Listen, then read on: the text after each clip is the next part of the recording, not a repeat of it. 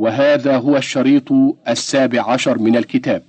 الرابعة أن تقع طرفا رابعة فصاعدا. تقول عطوت وزكوت فإذا جئت بالهمزة أو التضعيف قلت أعطيت وزكيت. وتقول في اسم المفعول معطيان ومزكيان حملوا الماضي على المضارع واسم الفاعل على اسم المفعول. فإن كل منهما قبل آخره كسرة وسأل سيبويه الخليل عن وجه إعلال نحو تغازينا وتداعينا مع أن المضارع لا كسر قبل آخره فأجاب الخليل بأن الإعلال ثبت قبل مجيء التاء في أوله وهو غازينا وداعينا حملا على نغازي ونداعي ثم استصحب معها. الخامسة أن تلي كسرة وهي ساكنة مفردة نحو ميزان وميقات بخلاف نحو صوان وسوار ودلواذ وعلواط. السادسة أن تكون لاما لفعل بالضمة صفة. نحو إنا زينا السماء الدنيا بزينة الكواكب. وقولك للمتقين الدرجة العليا وأما قول الحجازيين القصوى فشاذ قياسا فصيح استعمالا نبه به على الأصل كما في استحوذ والقود. فإن كانت فعل اسما لم تغير كقوله أدارا بحزوى هجت للعين عبرة فماء الهوى يرفض أو يترقرق. السابعة أن تلتقي هي والياء في كلمة والسابق منهما ساكن متأصل ذاتا وسكونا. ويجب حينئذ إدغام الياء في الياء. مثال ذلك فيما تقدمت فيه الياء سيد وميت أصلهما سيود وميوت. ومثاله فيما تقدمت الواو طي ولي مصدر طويت ولويت وأصلهما طوي ولوي. ويجب التصحيح إن كان من كلمتين نحو يدعو ياسر ويرمي واعد. أو كان السابق منهما متحركا نحو طويل وغيور أو عارض الذات نحو مخفف, مخفف رؤية أو كان عارض السكون نحو قوية فإن أصلها الكسر ثم إنه سكن للتخفيف كما يقال في علم علما وشذ عما ذكرنا ثلاثة أنواع. نوع أعل ولم يستوف الشروط كقراءة بعضهم إن كنتم للرؤيا تعبرون بالإدغام والإبدال ونوع صحح مع استيفائها نحو ضيون وأيوم وعوى الكلب عوية ورجاء بن حيوة ونوع أبدلت فيه الياء واوا وأدغمت الواو فيها نحو عوة ونهو عن المنكر واضطرد في تصغير ما يكسر على مفاعل نحو جدول وأسود للحية الإعلال والتصحيح.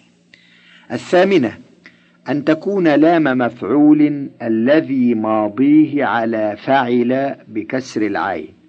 نحو رضيه فهو مرضي وقوي على زيد فهو مقوي عليه.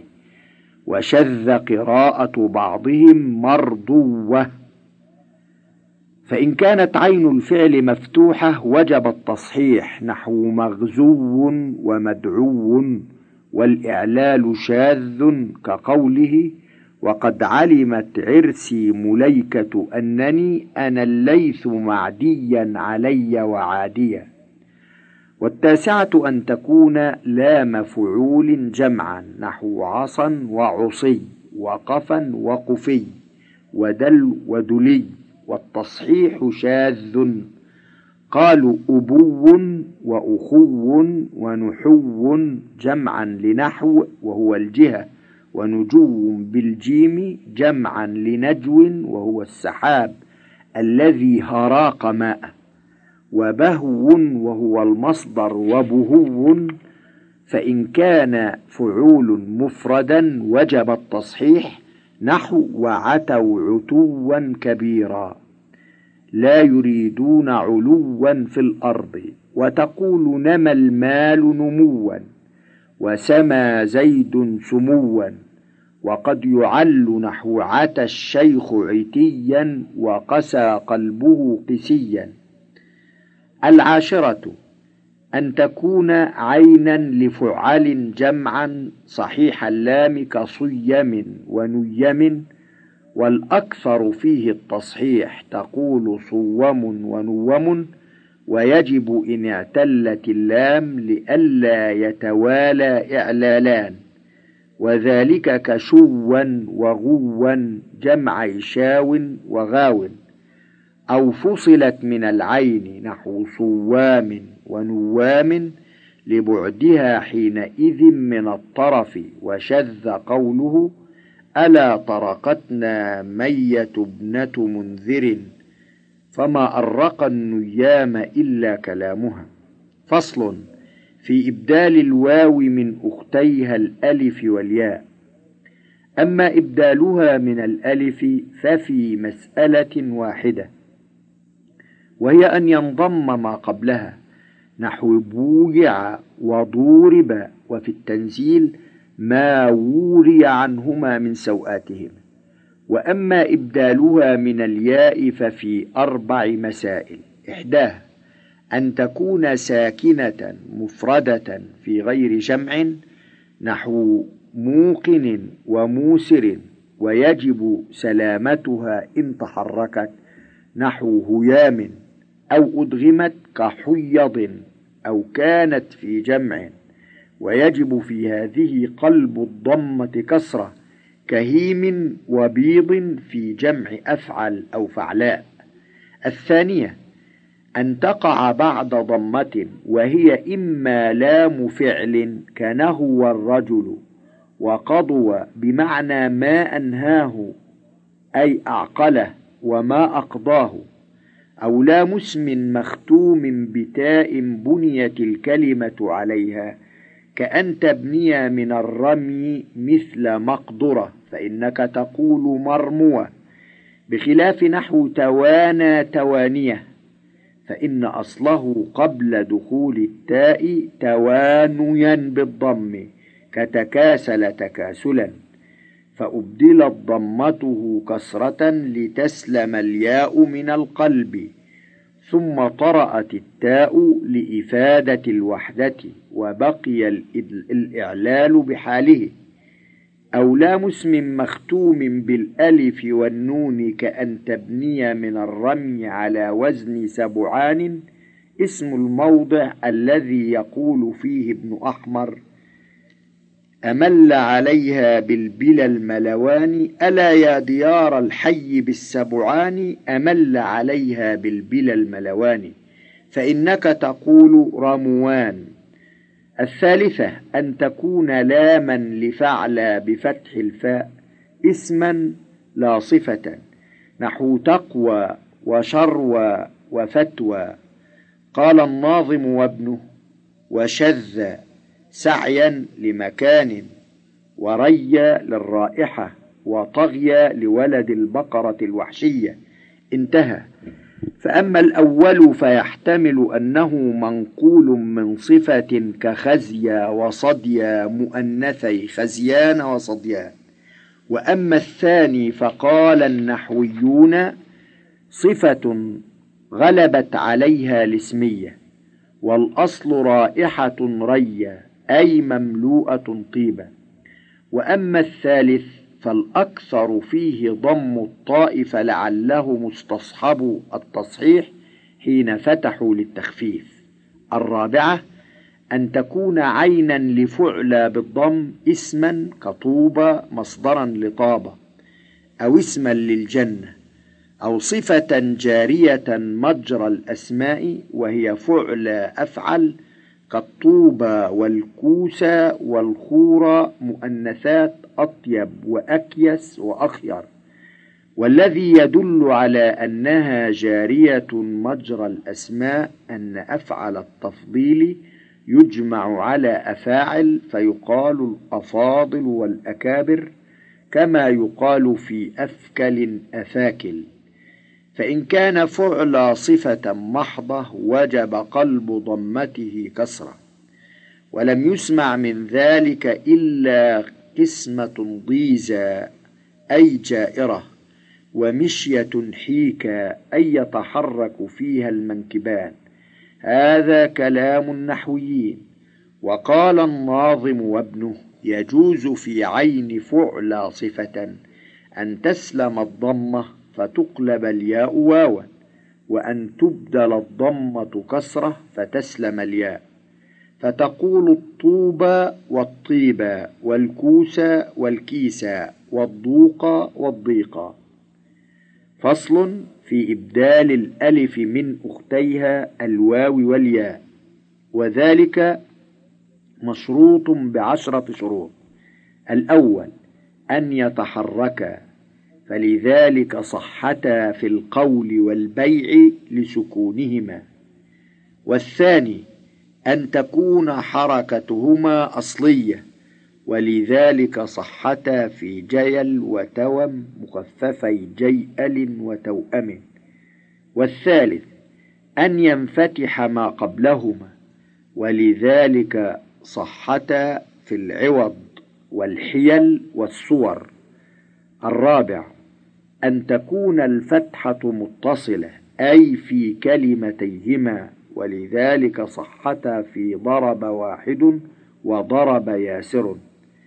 والخامس أن يتحرك ما بعدهما إن كانتا عينين وألا يليها ألف ولا ياء مشددة إن كانتا لامين.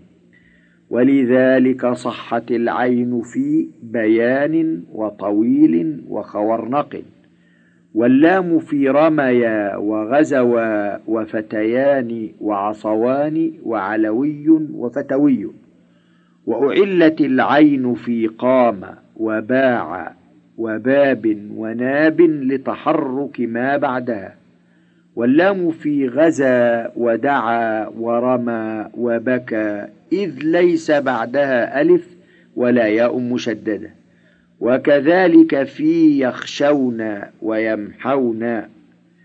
وقد زعم الشيخ خالد أنه لا يصح التمثيل بهذا الفعل إلا على أنه مبني للمجهول وهو خطأ فإنه قد ورد من باب ضرب ونصر ونفع كما هو في القاموس وغيره. انتهى. وأصلها يخشيون ويمحوون فقلبتا ألفين ثم حذفتا للساكنين. والسادس ألا تكون إحداهما عينا لفعل الذي الوصف منه على أفعل. نحو هيف فهو أهيف وعور فهو أعور. والسابع ألا تكون عينا لمصدر هذا الفعل كالهيف. والثامن ألا تكون الواو عينا لافتعل الدال على معنى التفاعل أي التشارك في الفاعلية والمفعولية. نحو اجتوروا واشتوروا فإنه في معنى تجاوروا وتشاوروا. فأما الياء فلا يشترط فيها ذلك لقربها من الألف ولهذا أعلت استافوا مع أن معناه تسايفوا والتاسع ألا تكون إحداهما متلوة بحرف يستحق هذا الإعلان فإن كانت كذلك صحت وأعلت الثانية نحو الحيا والهوى والحوى مصدر حوي إذا اسود. وربما عكسوا فأعلوا الأولى وصححوا الثانية نحو آية في أسهل الأقوال. فإن قلت لنا أسهل منه قول بعضهم إنها فعلة كنبقة فإن الإعلال حينئذ على القياس. وأما إذا قيل إن أصلها أنية بفتح الياء الأولى أو أييه بسكونها أو آية فاعلة فإنه يلزم إعلال الأول دون الثاني وإعلال الساكن وحذف العين لغير موجب. قلت ويلزم على الأول تقديم الإعلال على الإدغام والمعروف العكس بدليل إبدال همزة أئمة ياء لا ألفا فتأمله فإن قلت لنا أسهل منه. قول بعضهم إنها فاعلة كنبقة فإن الإعلال حينئذ على القياس. وأما إذا قيل إنها أصلها أية بفتح الياء الأولى أو أية بسكونها أو آية فإنه يلزم إعلال الأولى دون الثانية وإعلال الساكن وحذف العين لغير موجب. قلت ويلزم على الأول تقديم الإعلال على الإدغام والمعروف العكس بدليل إبدال همزة أئمة ياء لا ألفا فتأمله. العاشر ألا يكون عينا لما آخره زيادة تختص بالأسماء. فلذا صحتا في نحو الجولان والهيمان والصور والحيد وشذ الإعلال في ماهان وداران. فصل في إبدال التاء من الواو والياء. إذا كانت الواو والياء فاء للافتعال أبدلت تاء وأدغمت في تاء الافتعال وما تصرف منه. نحو اتصل واتعد من الوصل والوعد واتسر من اليسر. قال الشاعر فإن تتعدني أتعدك بمثلها وسوف أزيد الباقيات القوارصة وهذا الشاهد من كلام الأعشى ميمون بن قيس من كلمة له يهجو فيها علقمة ابن علاثة ويتهدده. وكان الأعشى قد مدح عامر ابن الطفيل وحكم له على علقمة في منافرة وقعت بينهم. والذي أنشده المؤلف صدر بيت من الطويل وعجزه وسوف أزيد الباقيات القوارصة وقوله تتعدني أصلها توتعدني فقلبت الواو تاء ثم أدغمت التاء في التاء. وسنذكر لذلك تكملة عند بيان الاستشهاد بالبيت والمراد تتوعدني وتتهددني وكذلك معنى التعدك. وقوله أزيد الباقيات القوارص أراد بها الأشعار التي تبقى على ألسنة الرواة يتناشدونها ويروونها للأعقاب عقبا بعد عقب. وتقول كلمة قارصة وكلمات قوارص وكلام قارص تريد أنه مؤلم موجع. والشاهد في قول تتعدني وفي قوله أتعدك. فإن أصل الكلمة الأولى توتعدني وأصل الكلمة الثانية أو تعدك فالواو فاء الكلمة والتاء التي بعدها في الكلمتين حرف زائد وهي تاء الافتعال فقلبت الواو تاء في الكلمتين فتجاور في كل منهما تاءان فأدغمت التاء في التاء. انتهى.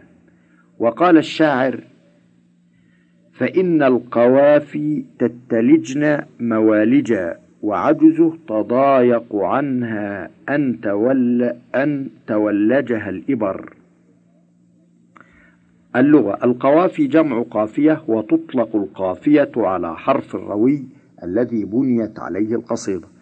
فيقال قافية النون إذا كانت مبنية على حرف النون وتطلق على أول متحرك بعده ساكن من آخر البيت وتطلق على القصيدة كلها وعلى البيت كله من باب إطلاق اسم الكل على جزءه وقوله تتلجنا أصله توتلجنا فلما وقعت الواو فاء في صيغة افتعل قلبت تاء ثم أدغمت في التاء ومعناه أن القوافي والقصائد والأشعار تدخل في مضايق الأمكنة التي لا يستطيع والج أن يلج فيها موالج جمع مولد وهو مكان الولوج أي الدخول.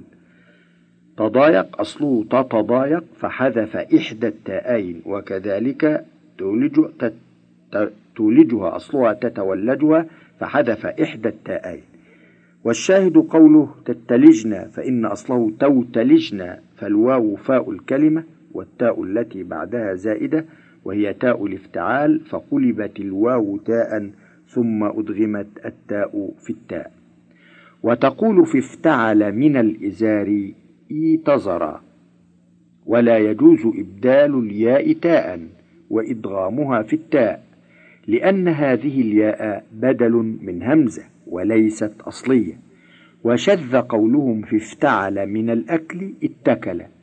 وقول الجوهري في اتخذ إنه افتعل من الأخذ وهم وإنما التاء أصل وهو من تخذ كاتبع من تبعا وهذا الكلام مبني على ثبوت تخذ ثلاثيا من باب علم وهو الصواب.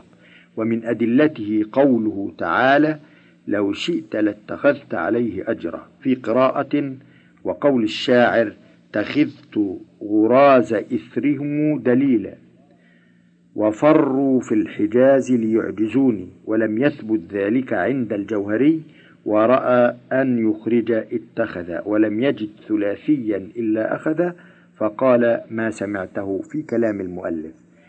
فصل في إبدال الطاء. تبدل وجوبا من تاء الافتعال الذي فاؤه صاد أو ضاد أو طاء أو ظاء. وتسمى هذه أحرف الإطباق. تقول في افتعل من صبر اصطبر ولا تدغم لأن الصفيري لا يدغم إلا في مثله.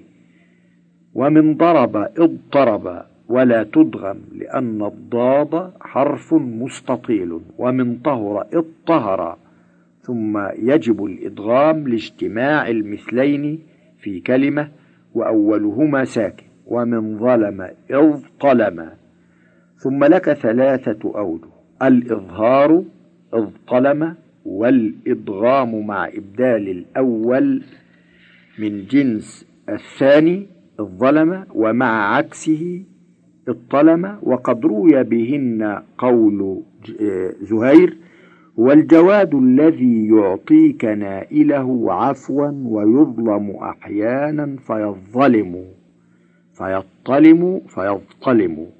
فصل في إبدال الدال. تبدل الدال وجوبا من تاء الافتعال الذي فاؤه دال أو ذال أو زاي.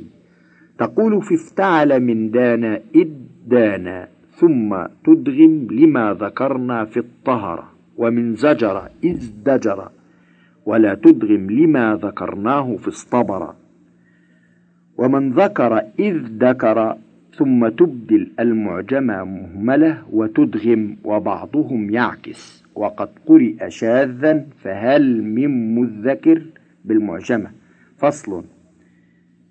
في إبدال الميم.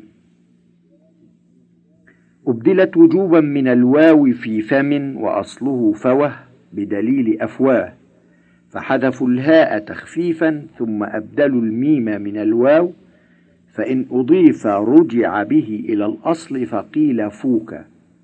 وربما بقي الإبدال نحو لخلوف فم الصائم. ومن النون بشرطين سكونها ووقوعها قبل الباء سواء كان في كلمة أو كلمتين نحو بعث ومن بعثنا وشذوذا في قوله وكفك المخضب البنام وصدر يا هال ذات المنطق التمتام وأصله البنان وجاء عكس ذلك في قولهم أسود فات وأصله قاتم هذا باب نقل حركة الحرف المتحرك المعتل إلى الساكن الصحيح قبله وذلك في أربع مسائل.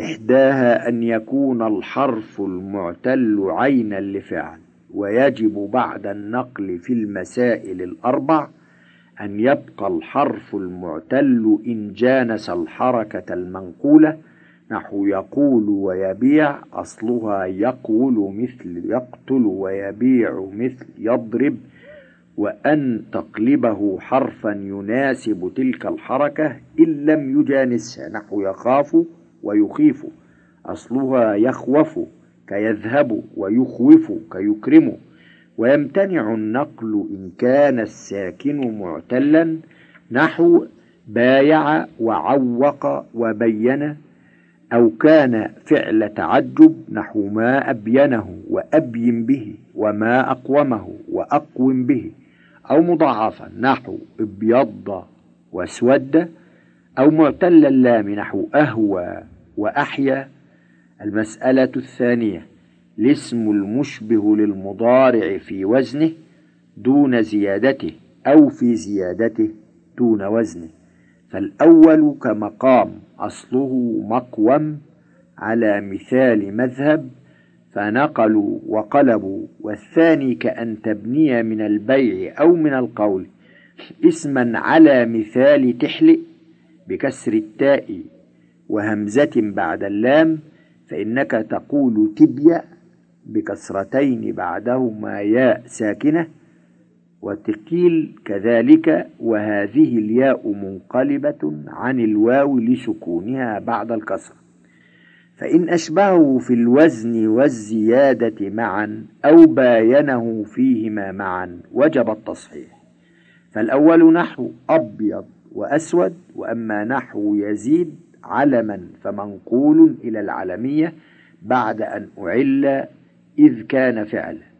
والثاني نحو مخيط هذا هو الظاهر. وقال الناظم وابنه وكان حق مخيط أن يعلى لأن زيادته خاصة بالأسماء وهو مشبه لتعلم أي بكسر حرف المضارعة في لغة قوم لكنه حمل على مخياط لشبهه به لفظا ومعنى انتهى. وقد يقال إنه لو صح ما قال للزم ألا يعل مثال تحلئ لأنه يكون مشبها لتحسب في وزنه وزيادته. لتحسب في وزنه وزيادته. ثم لو سلم أن الإعلال كان لازما لما ذكر لم يلزم الجميع بل من يكسر حرف المضارعة فقط. وهذا صحيح.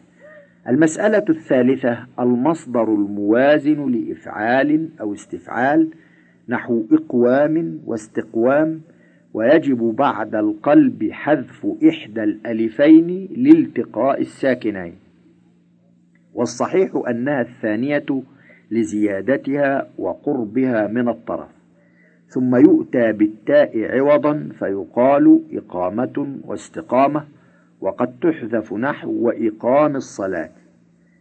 المسألة الرابعة صيغة مفعول ويجب بعد النقل في ذوات الواو حذف إحدى الواوين والصحيح أنها الثانية لما ذكرنا.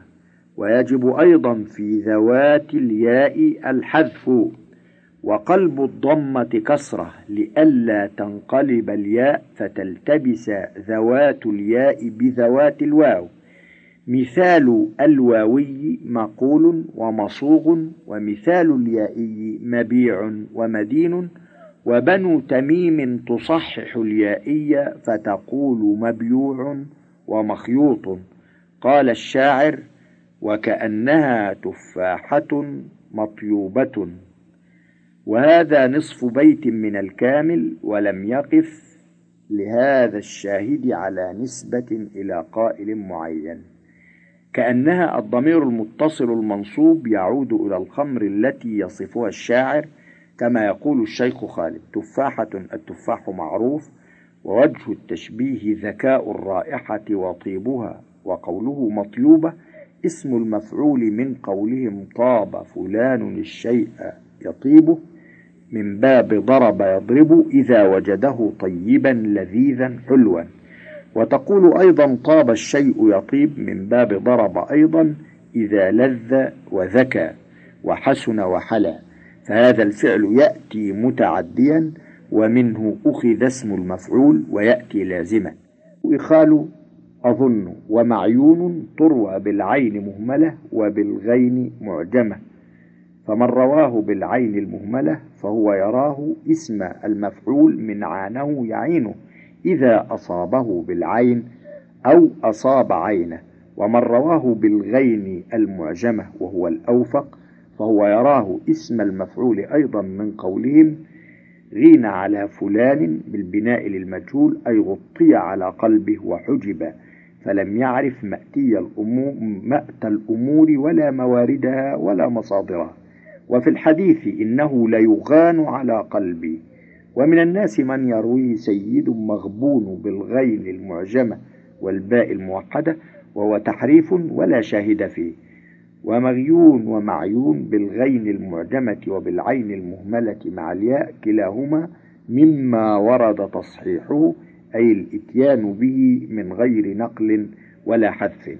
والشاهد فيه قوله مغبون أو مغيون أو معيون حيث صح اسم المفعول من الأجوف اليائي والأكثر في لسان العرب إعلاله بنقل حركة عينه إلى الساكن قبلها ثم حذف العين أو واو مفعول على خلاف في ذلك ثم قلبت الضمة كسرة على مثال مبيع ومشيد ومع ذلك فقد وردت كلمات من الأجوف اليائي تمم فيها اسم المفعول مثل مطلوبة في البيت السابق ومغيون في هذا البيت وقالوا طعام مزيوت و وثوب مخيوط ويوم مغيوم ورجل مديون انتهى.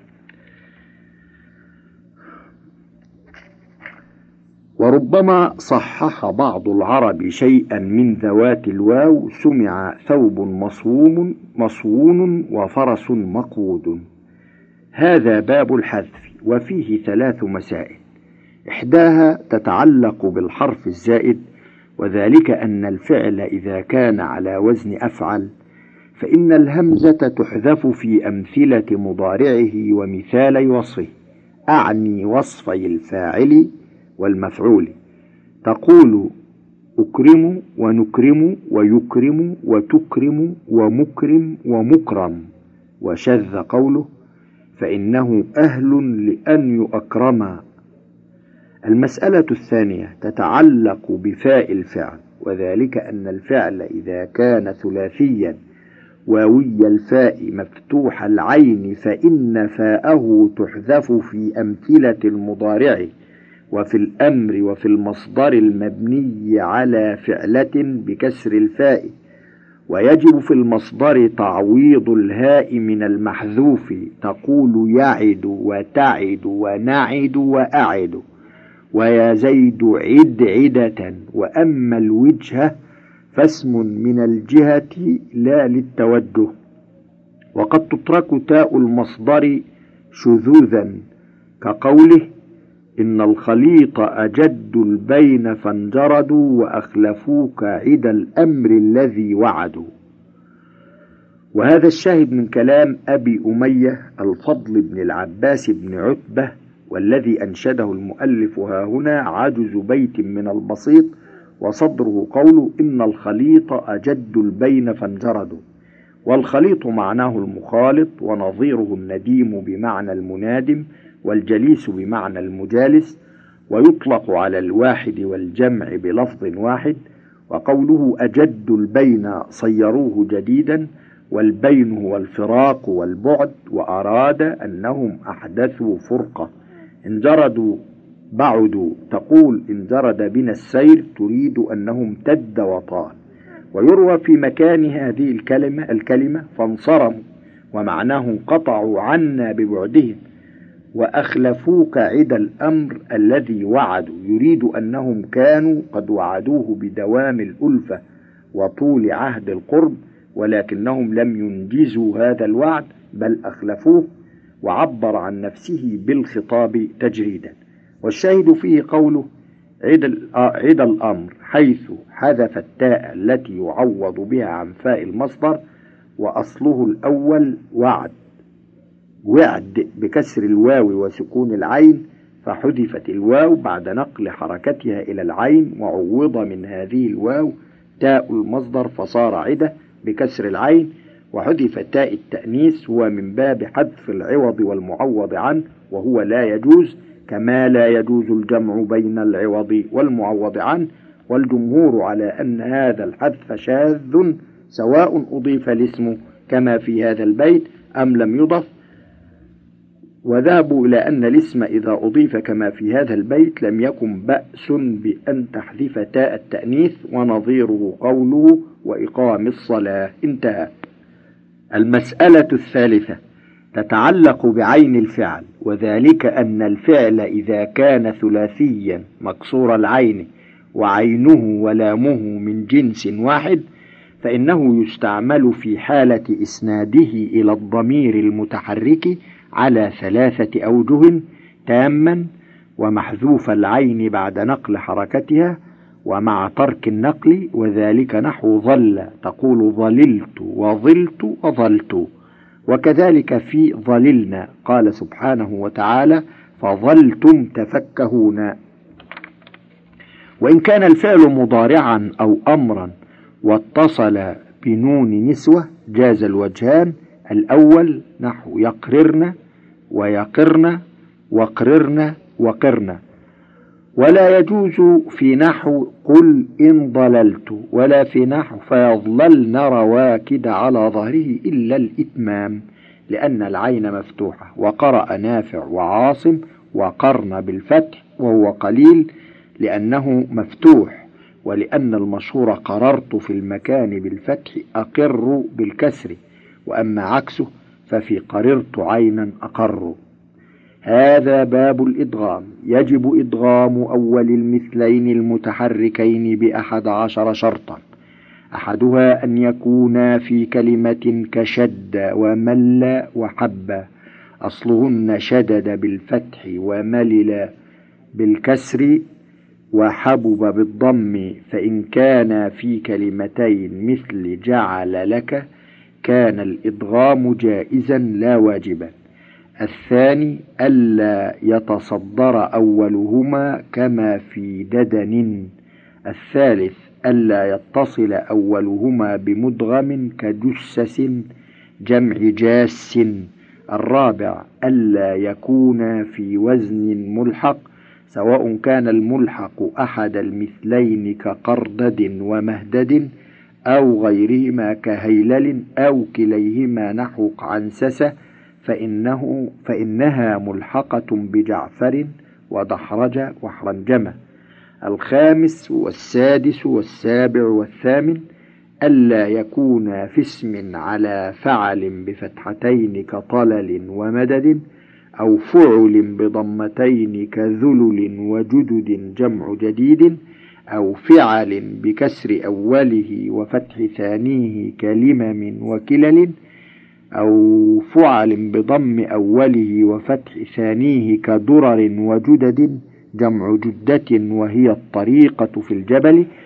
وفي هذه الأنواع السبعة الأخيرة يمتنع الإدغام والثلاثة الباقية ألا تكون حركة ثانيهما عارضة نحو اخصص به في الشر أصلهما اخصص واكفف بسكون الآخر.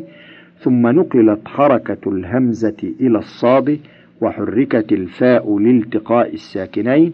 وألا يكون المثلان ياءين لازما تحريك ثانيهما. نحو حي وعي ولا تاءين في افتعل كاستطر واقتتل.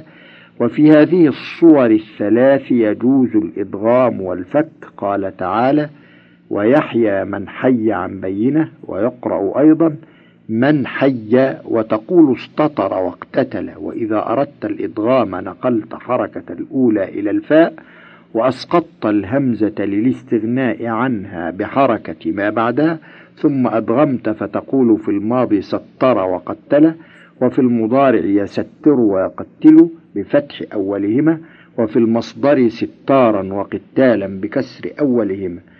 ويجوز الوجهان أيضا في ثلاث مسائل أخر إحداهن أولى التاءين الزائدتين في أول المضارع نحو تتجلى وتتذكر وذكر الناظم في شرح الكافية وتبعه ابنه أنك إذا أدغمت اجتلبت اجتلبت همزة الوصل ولم يخلق الله همزة وصل في أول المضارع وإنما إدغام هذا النوع في الوصل دون الابتداء وبذلك قرأ البزي رحمه الله تعالى في الوصل ولا تيمموا ولا تبرجن وكنتم تمنون فإن أردت التخفيف في الابتداء حذفت إحدى التائين وهي الثانية للأولى خلافا لهشام وذلك جائز في الوصل. قال تعالى نارا تلظى ولقد كنتم تمنون الموت وقد يجيء هذا الحذف في النون ومنه على الأظهر قراءة ابن عامر وعاصم وكذلك نجي المؤمنين أي ننجي بفتح النون الثانية وقيل الأصل ننجي بسكونها فأدغمت كإجاصة وإجانة وإدغام النون في الجيم لا يكاد يعرف وقيل هو من نجا ينجو ثم ضعفت عينه وأسند لضمير المصدر ولو كان كذلك لفتحت الياء لأنه فعل ماض. الثانية والثالثة أن تكون الكلمة فعلا مضارعا مجزوما أو فعل أمر قال الله تعالى ومن يرتدد منكم عن دينه فيقرأ بالفك وهي لغة لغة أهل الحجاز والإدغام وهو لغة تميم.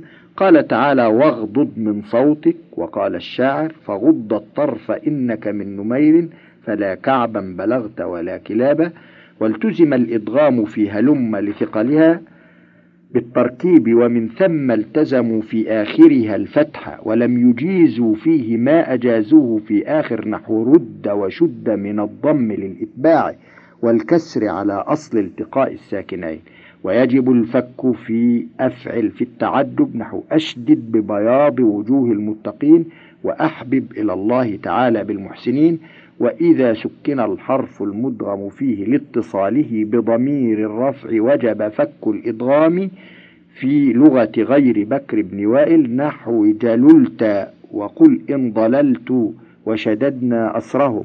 وقد يفك الإدغام في غير ذلك شذوذا نحو لححت عينه وألل السقاء أو في ضرورة كقول الحمد لله العلي الأجلل الواسع الفضل الوهوب المجزل انتهى الكتاب والله سبحانه وتعالى أعلى وأعلم.